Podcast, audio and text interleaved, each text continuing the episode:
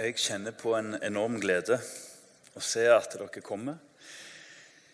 Eh, I dager og uker før denne søndagen, den 30., så ble jeg bare mer og mer nedbrutt. For jeg tror nesten alle jeg snakket med, skulle et eller annet annet. Og jeg, jeg ble mest irritert på konfirmasjoner. At det går an. Alle skulle i et eller annet annet. Så jeg var nesten frista til å ringe mor og til og med svigermor og spørre kan dere komme bare for min del. Så det ikke blir helt tomt. Men jeg syns dette er spennende. Og eh, nå har vi leid eh, turnhallen og prøver oss på det. Og så, eh, når vi blir prest litt, så må vi lete på en annen måte. Og nå sitter vi plutselig med noen tre-fire nye ledere som har lyst til å bruke tida si på Betvins og pluss 13. Er ikke det flott? Ehm, det var en som sa at ehm, vi må lære å spille sjakk uten dronninga. Og Jeg spiller ikke mye sjakk, men jeg spiller nok til å vite at hvis jeg mister dronninga, så er jeg i bunn og grunn ferdig i samme Det er matt for meg, det. For den går jo alle veier, nesten. Og den angriper jeg med, og den forsvarer jeg med. Og i Guds rike så blir det ofte sånn at det er liksom en viss måte vi jobber på, det er en viss måte vi har gudstjenester på, og det er en viss måte i Guds rike at vi ser for oss og har erfart at Guds rike brer seg. Og så mister vi dronninga. Og så kommer korona, og så sitter vi helt hjelpeløst fast. Men tenk, gode venner, hva folk strever med ellers i verden. For mange er korona bare et blaff.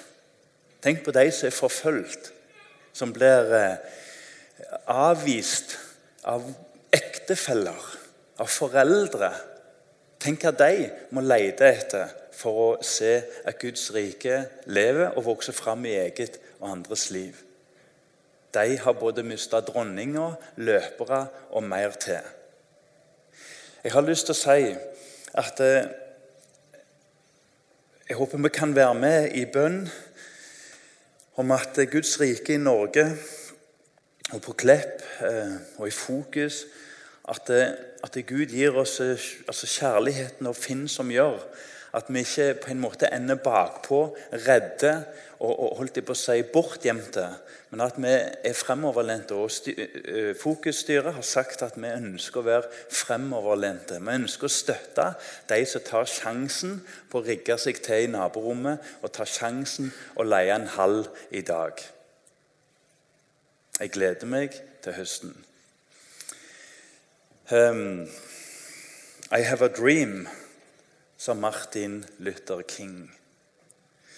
One step for a man, giant step for mankind, sa en mann når han tok steget som første mann på månen, Armstrong. Så var det en som sa blod, svette og tårer. We will never surrender. Never, sa han i rette tid. Churchill. Det har holdt mange store taler. Og Spesielt er de store fordi noen kom i rette tid. Men tidenes tale, den holdt Jesus. Er du uenig? Jeg hadde en lærer som sa rett ut jeg tror ikke på Gud, men ingen kan måle seg med bergprekenen. Ingen har talt noe i nærheten, sa han. Og han gjentok det igjen og igjen. Det var så synd vi aldri jobbet med den teksten på skolen, men det er en annen ting. Jeg gir det terningkast seks.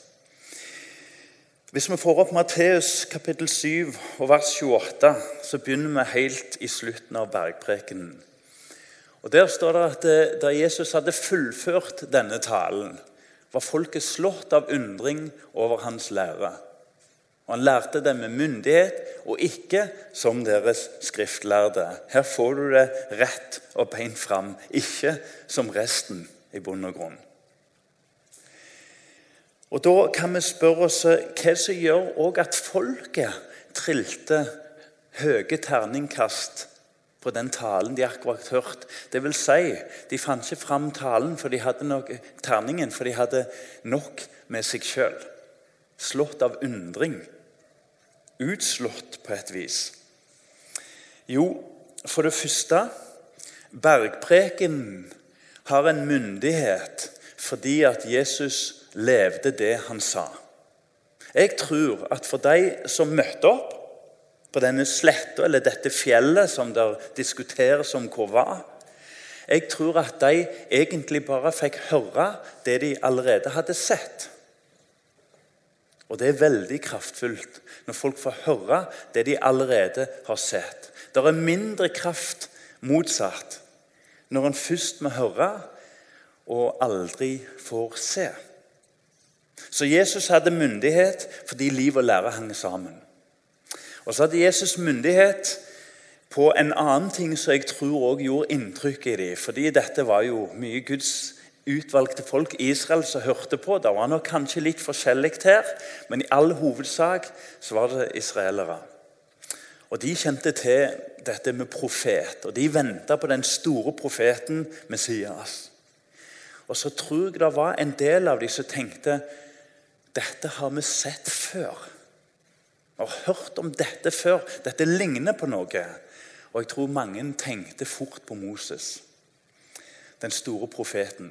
Han som eh, var forsøkt ta livet av når han var liten, som med Jesus.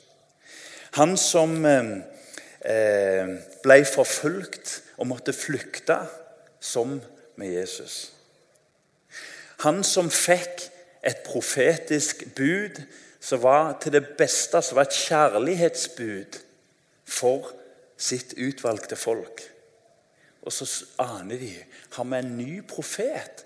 For det må være profetisk, det han taler til oss nå, disse budene. Og legg merke til at Jesus går ikke imot noen av Gammeltestamentets bud. Han snarere gjør det umulig i menneskers øyne. Han sa det rett ut. Jeg er ikke kom for å oppheve loven. Moses fikk et kall, et umulig menneskelig kall. og Det var å sette mennesker fri fra tidenes store, mektige farao. Fra slaveri. Jeg tror det var noen der i de dagene som fulgte Jesus og kjente at syndens slaveri var i ferd med å slippe taket. Så jeg tror de visste at her lytta de til en frigjører. Så med andre ord, Han hadde ikke bare myndighet fordi de så det han hadde talt, men òg fordi det var det som kalles på fint en suksesjon. Altså en, en, en, holdt på å si, en direkte videregang fra Guds vilje, fra Moses til Jesus. Og I katolsk sammenheng så er det to viktige mennesker som legger hånda på hodet til paven. De frommeste og flotteste. Når Jesus ble vigsla, var det en kvinne ingen ville ha med, som knuste krukka mista helt hodet. Og tømte ei årslønn i salve over hodet på han. Skjønner vi at vi har med en helt, helt ny konge å gjøre. Og de ante at noe var i gjære. Hvem er bergprekenen til? Det tror jeg er viktig at vi ser litt på før du går hjem og leser. Fordi det blir ganske utfordrende i vår tid å forkynne. Jeg har hørt flere forkynnere si det. Og det er det at eh, vi, vi er blitt veldig sånn pedagogisk og religionspsykologisk orientert. Så Den første reaksjonen vår når vi hører en forkynnelse, et vitnesbyrd, hva ville han sagt til det? Hvordan hadde hun reagert på det? Og Til slutt så skal vi være så multitalentfulle og multipedagogiske at eh, jeg mister i hvert fall motet. Jeg tror ikke det var det som gjorde at Jesus trakk seg til sides. Men det står nemlig at når Jesus forkynte så står det at folk kom fra alle steder i kapittel 4, før bare i preken Matteus 5-7. Og store mengder fulgte han. Men, men, så trekker han seg opp i fjellet eller litt bort, og så sitter han igjen med på et vis eh, det som var hans i det øyeblikket. Hans eget folk. Og jeg tror vi må bli litt flinkere til å komme inn og spørre hva har du nå for meg? Det er utrolig krevende å forkynne til absolutt alle. Det, det orka ikke Jesus engang. Han trakk seg unna her og mista store deler av folkemengden. Og vet du hva? Jeg kjenner det i mitt eget liv.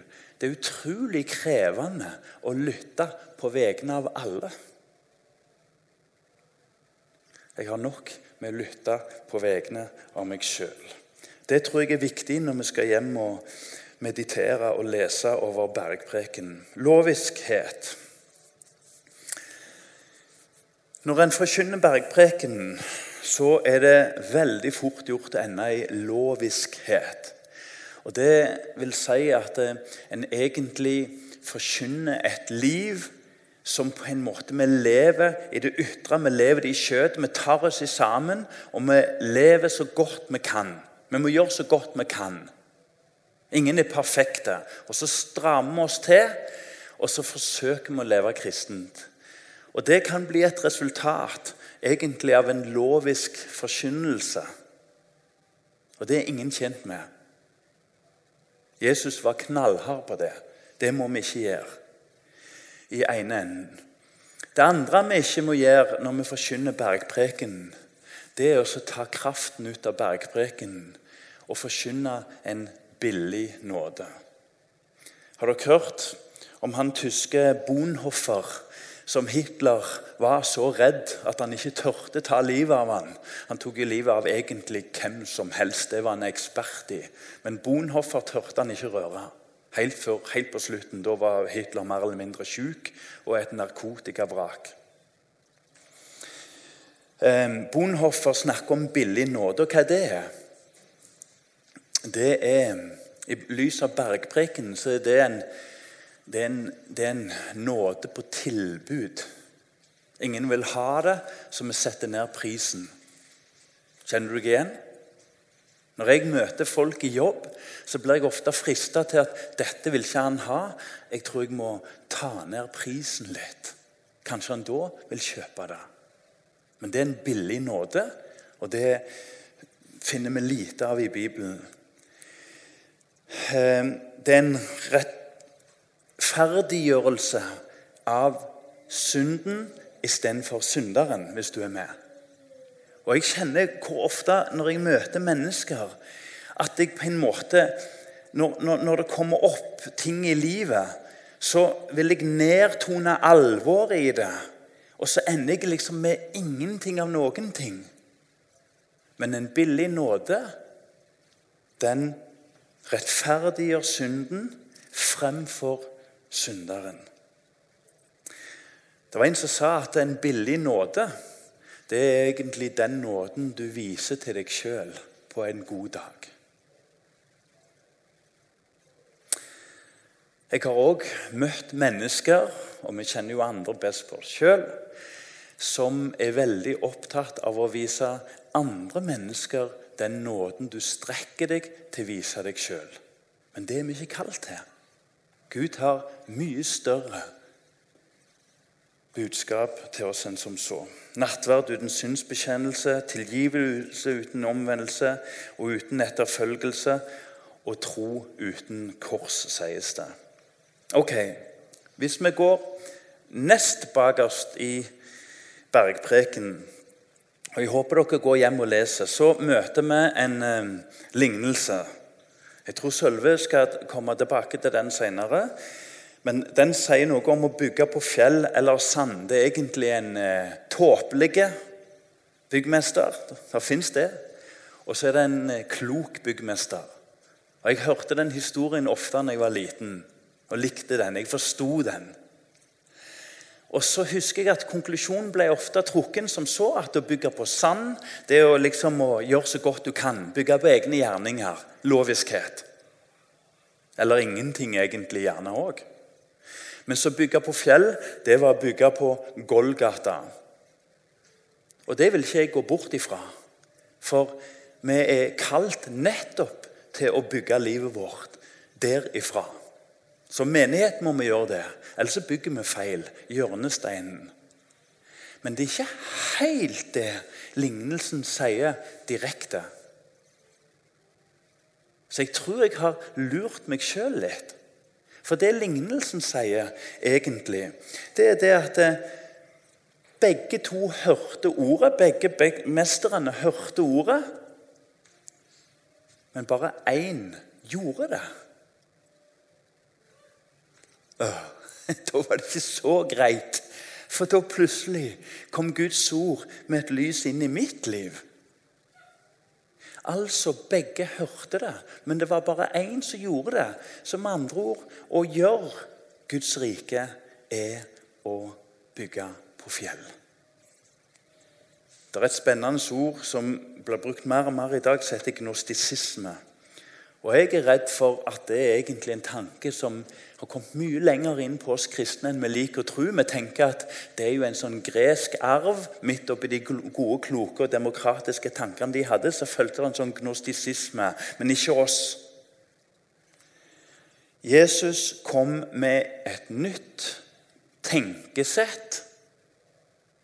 Men han kom òg med et nytt levesett. Har du hørt om brevet til Diogoné? Jeg er så glad i det. Jeg har nevnt det mange ganger. Det var han her som lurte på hvem var de der på veien, de der første kristne. hvem var de? Og Legg merke til at eh, han skriver omtrent ingenting om tro.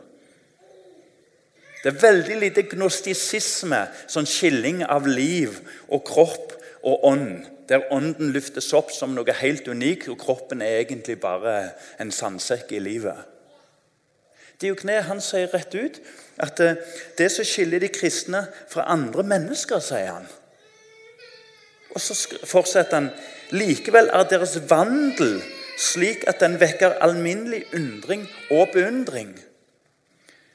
De første kristne hadde tidenes vekst og erobring. Evangeliet fikk bein å gå på, og det var en sjokk i en helt ny livsførsel. De deler bord, sa de, men ikke seng med andre enn ektefellen. Og det var sjokkerende. Ehm, jeg leste eller hørte om en som snakket om at i, i, i en plass i Kina, sikkert flere så når vekkelsen eh, brøt rundt seg, enten i ei blokk eller på landsbygda, så ville de kristne, lederskapet, de, før en døpte, så hadde en en test. da. Og jeg kan bare si at Hadde jeg gjort det her, så hadde fokus minst vært i VG. Hadde vi gjort det her med en gang. Men lederskapet gikk til naboer og spurte ser du en forskjell på han eller hun. Og Hvis ikke det var en forskjell i liv, så døpte de ikke. Kan du tenke deg? Men her sitter vi med en kristendom som stuper, og en Kina der kristendommen under overflaten For vi ser på, vi ser på bølger og blikkstille hav, med, men Gud han ser ned i dypet. Og i dypet i Kina så eksploderer kristendommen. Nettopp hos de vi ikke vil sammenligne oss med pedagogisk sett. Det er jo uhørt å stille et sånt spørsmål. Bergprekenen forkynner et helt, helt nytt liv. Eh, hvis vi spør oss hva bergprekenen er, så kan det være en beskrivelse av Guds rike. Sånn er Guds rike. Dere har hørt det sagt, men jeg sier dere. Og òg rikets innbyggere. Det er ikke bare en sånn konstruksjon, men det er faktisk først og fremst deres innbyggere, kanskje. Det er et annerledesrike, det er en annen tenkning og et annet levesett. Og Legg merke til i begynnelsen i Bjergprekenen så er det et sånn kjerneord som på en måte er ukjent for den som ikke har sett Jesus som frelser. Han sier 'salig er de fattige i ånden'. Hvis vi ikke griper det, så er bergprekenen et eneste kav. Det er egentlig den som skjønner ved Guds ånd at innenfor Gud har jeg ingenting å bringe. Ingenting. Jeg er konkurs. Paulus sa det rett ut. Det jeg hadde, er ikke verdt noen ting. Han sier rett ut det er papp eller vrak eller skrot for meg. Men nå, sier han Så å være fattig i ånden, det leder til ydmykhet, det leder til barmhjertighet. Det leder til mennesker som skaper fred. Det gir frukter av mennesker som lar seg forfølge. Et helt annerledes liv. Kan vi få opp Efeserne 5,8? En gang var dere og Jeg husker jeg leste feil når jeg skrev, så en gang var dere selv i mørket. Men det er dessverre verre enn som så. Det står at en gang var dere, var dere selv Vi, vi er liksom mørke. Det er ringt altså. Men nå, i Herren, er dere lys. Og Vi lever i en tid som prøver å gjøre det meste grått. Verken mørke eller lys. Og grått, det er ikke godt i lengden. I Herren er dere lys. Lev da som lysets barn.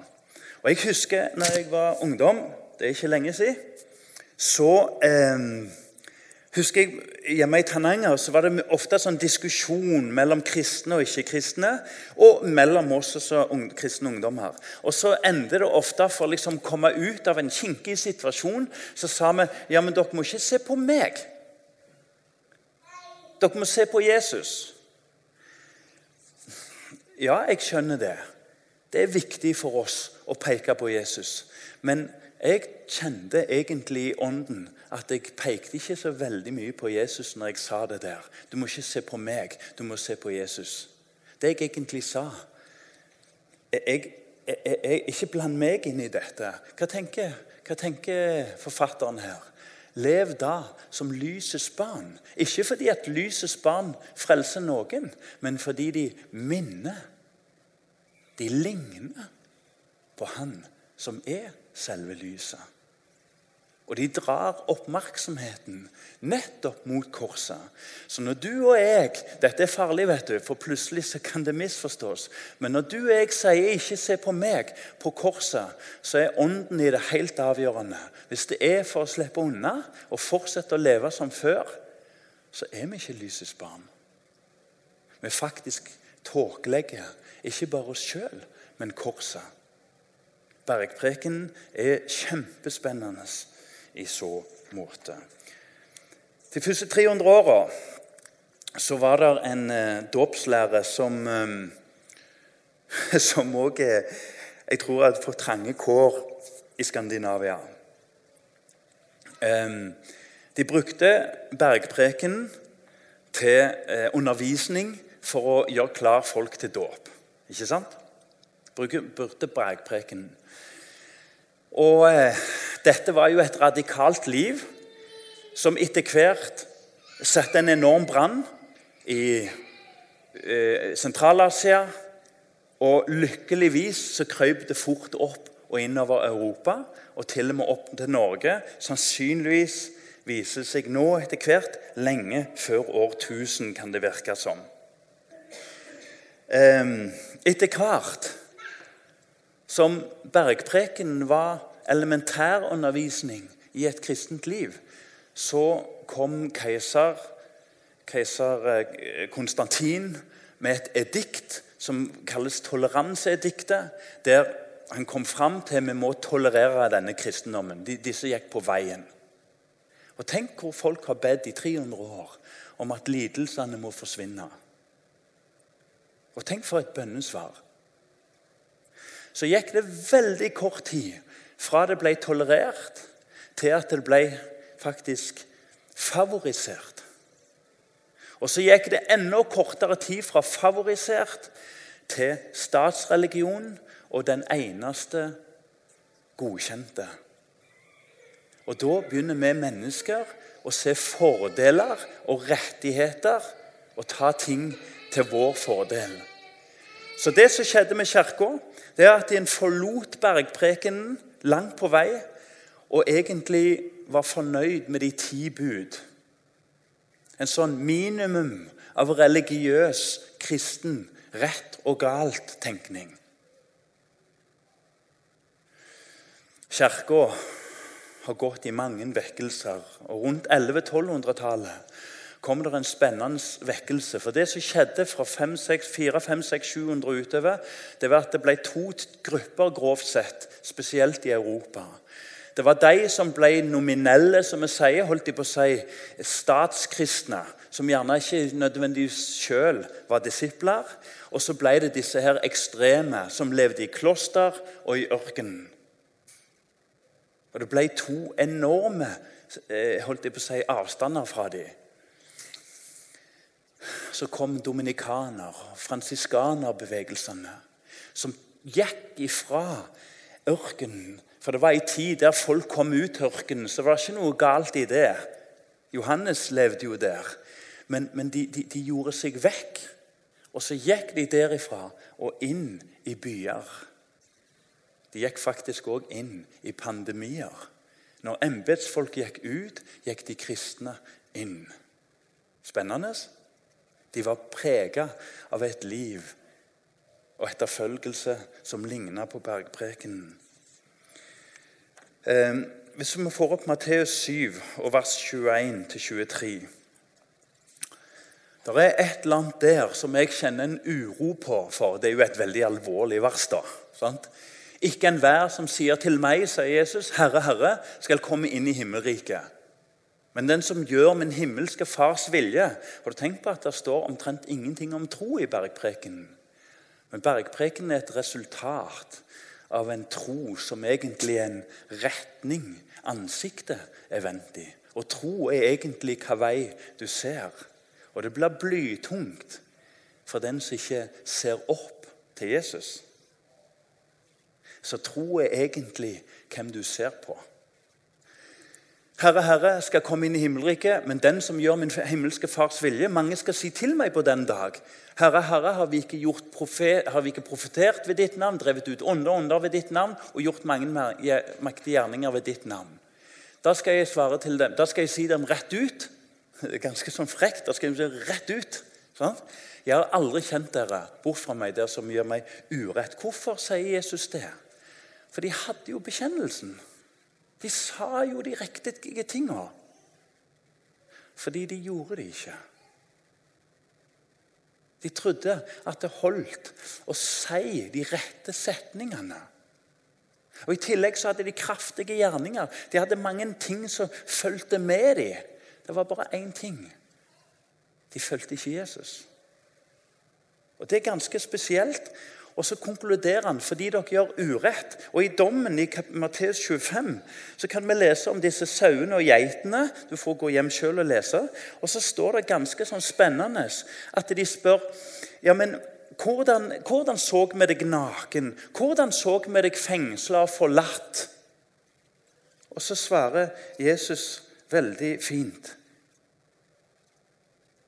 Det dere gjorde mot en av mine minste søsken, har dere gjort mot meg. Ser du at bergprekenen er et kraftig oppgjør mot urett, falskhet, hykleri. Å ligge unna for, for, for, for misunnelse, å ligge unna for hat. Jeg har bare lyst til å si at bergprekenen er ikke tungt å bære for den som vender seg mot Jesus, men for den stridige er bergprekenen, sier Bonhoffer, umulig, ja, menneskelig. Totalt umulig. Jeg bare tenker på Fra mitt eget liv så kjenner jeg meg daglig igjen hvor mye som vokser, dessverre, fra innsida. Og hvordan jeg tar opp meg ting. Det kan være en som bare sa bitte litt til meg. Og så får den lille fillesetningen Den, den blir en livs livsvenn, en dårlig livsvenn med meg resten av livet. Og så kommer Jesus i bergprekenen, og så forkynner han oss til frihet. Hvis vi bare får ta helt til slutt da, en, en, en, en eh, Følg meg nå i, i dette med denne mannen oppi morbærtreet. Jeg vet ikke helt hva det er, men jeg vet at du kan gjemme deg inni der. Litt som, kanskje som et eiketre hos oss. da, sant? Du kan gjemme deg oppi der. Og han som, han som ville se Jesus, han ble sett av Jesus. Typisk Jesus. Typisk oss. Og Så stopper Jesus opp. Og Han som var forakta av andre mennesker, han inviterer Jesus ikke bare ned fra treet, men han inviterer seg hjem. Et bilde på at det er veldig få, egentlig ingen, som har funnet Gud. Alle er vi funnet av Gud. Kjærligheten er altså at han elsker oss først. Så blir han med inn i denne heimen. Og så sitter vi ofte og er så redd for at, at, at det forkynnes fram en lovtrelldom. At det tas et oppgjør mot hat, mot fiendeskap. Ja, men vi må forkynne korset, sier vi. Og så bruker vi korset mot den friheten som Gud egentlig akkurat nå vil sette oss i. Tenk på Sakkeus. Han sitter der inne, og jeg ser for meg i bunn og grunn en, en fest. Jeg vedder på det var poteter og saus, for å si det sånn. Og så mister Sakkeus det helt menneskelig sett. For du og jeg tenker dette går ikke an. Det går ikke an å følge bergpreken. Den er kun meint for å drive oss til korset, så vi skjønner hvor håpløse vi er. Og det er han. Men så sier Sakkeus noe spennende. Halvparten av det jeg eier, vil jeg gi til de fattige. Og så kortslutter det helt opp i hodet til denne store strategen og økonomen Sakkeus. Han som var steinrik. Og hvis jeg har tatt noe fra noen, så skal jeg gi firdobbelt tilbake. Hva som skjer? Vet du hva? En sier på fint sånne honnørord til hverandre. Så sier en at typisk for vekkelse er at en hater synd. For Sakkeus ble det en realitet. Når han møter Jesus og ser han, så slipper pengene livet hans. Så slipper begjæret. Så slipper hatet. Så slipper egentlig alt religiøsiteten og alt slipper i hans liv. Fordi han har møtt Jesus. Vet du hva? Bergpreken er ikke en utopi eller meint for noe annet. Det er et mulig liv for meg og deg. Og da skal vi ikke gå i egen kraft, men vi skal gå hjem og så skal vi grunne over 5 til 7, kapittel 5 til 7. Og så tror jeg at ordet skaper det det nevner. Jeg tror faktisk at det er mulig for den som har opplevd noe som ingen så, som skapte så stor smerte i livet. Jeg tror det er mulig ikke bare å få hjelp til å leve med det, men jeg tror det er mulig å bli helbreda. Bergprekenen er et frihetsbrev til Guds folk, og det er en vellykt for de som ikke tror. Vi får en video helt til slutt av to stykker som eh, jeg ringte til for et par uker siden. Hun som kom opp nå, hun ble nettopp frelst. Og så tenker jeg hvordan går det an at store menigheter ser både i 5, 10, 15 og 20 Små kan det være òg. At ingen blir frelst. Og Så ringer jeg til dette paret og så spør jeg du, om du vet om noen som har blitt Ja, vi har en nå, tre uker siden. De lever et kraftfullt liv. skal dere få høre.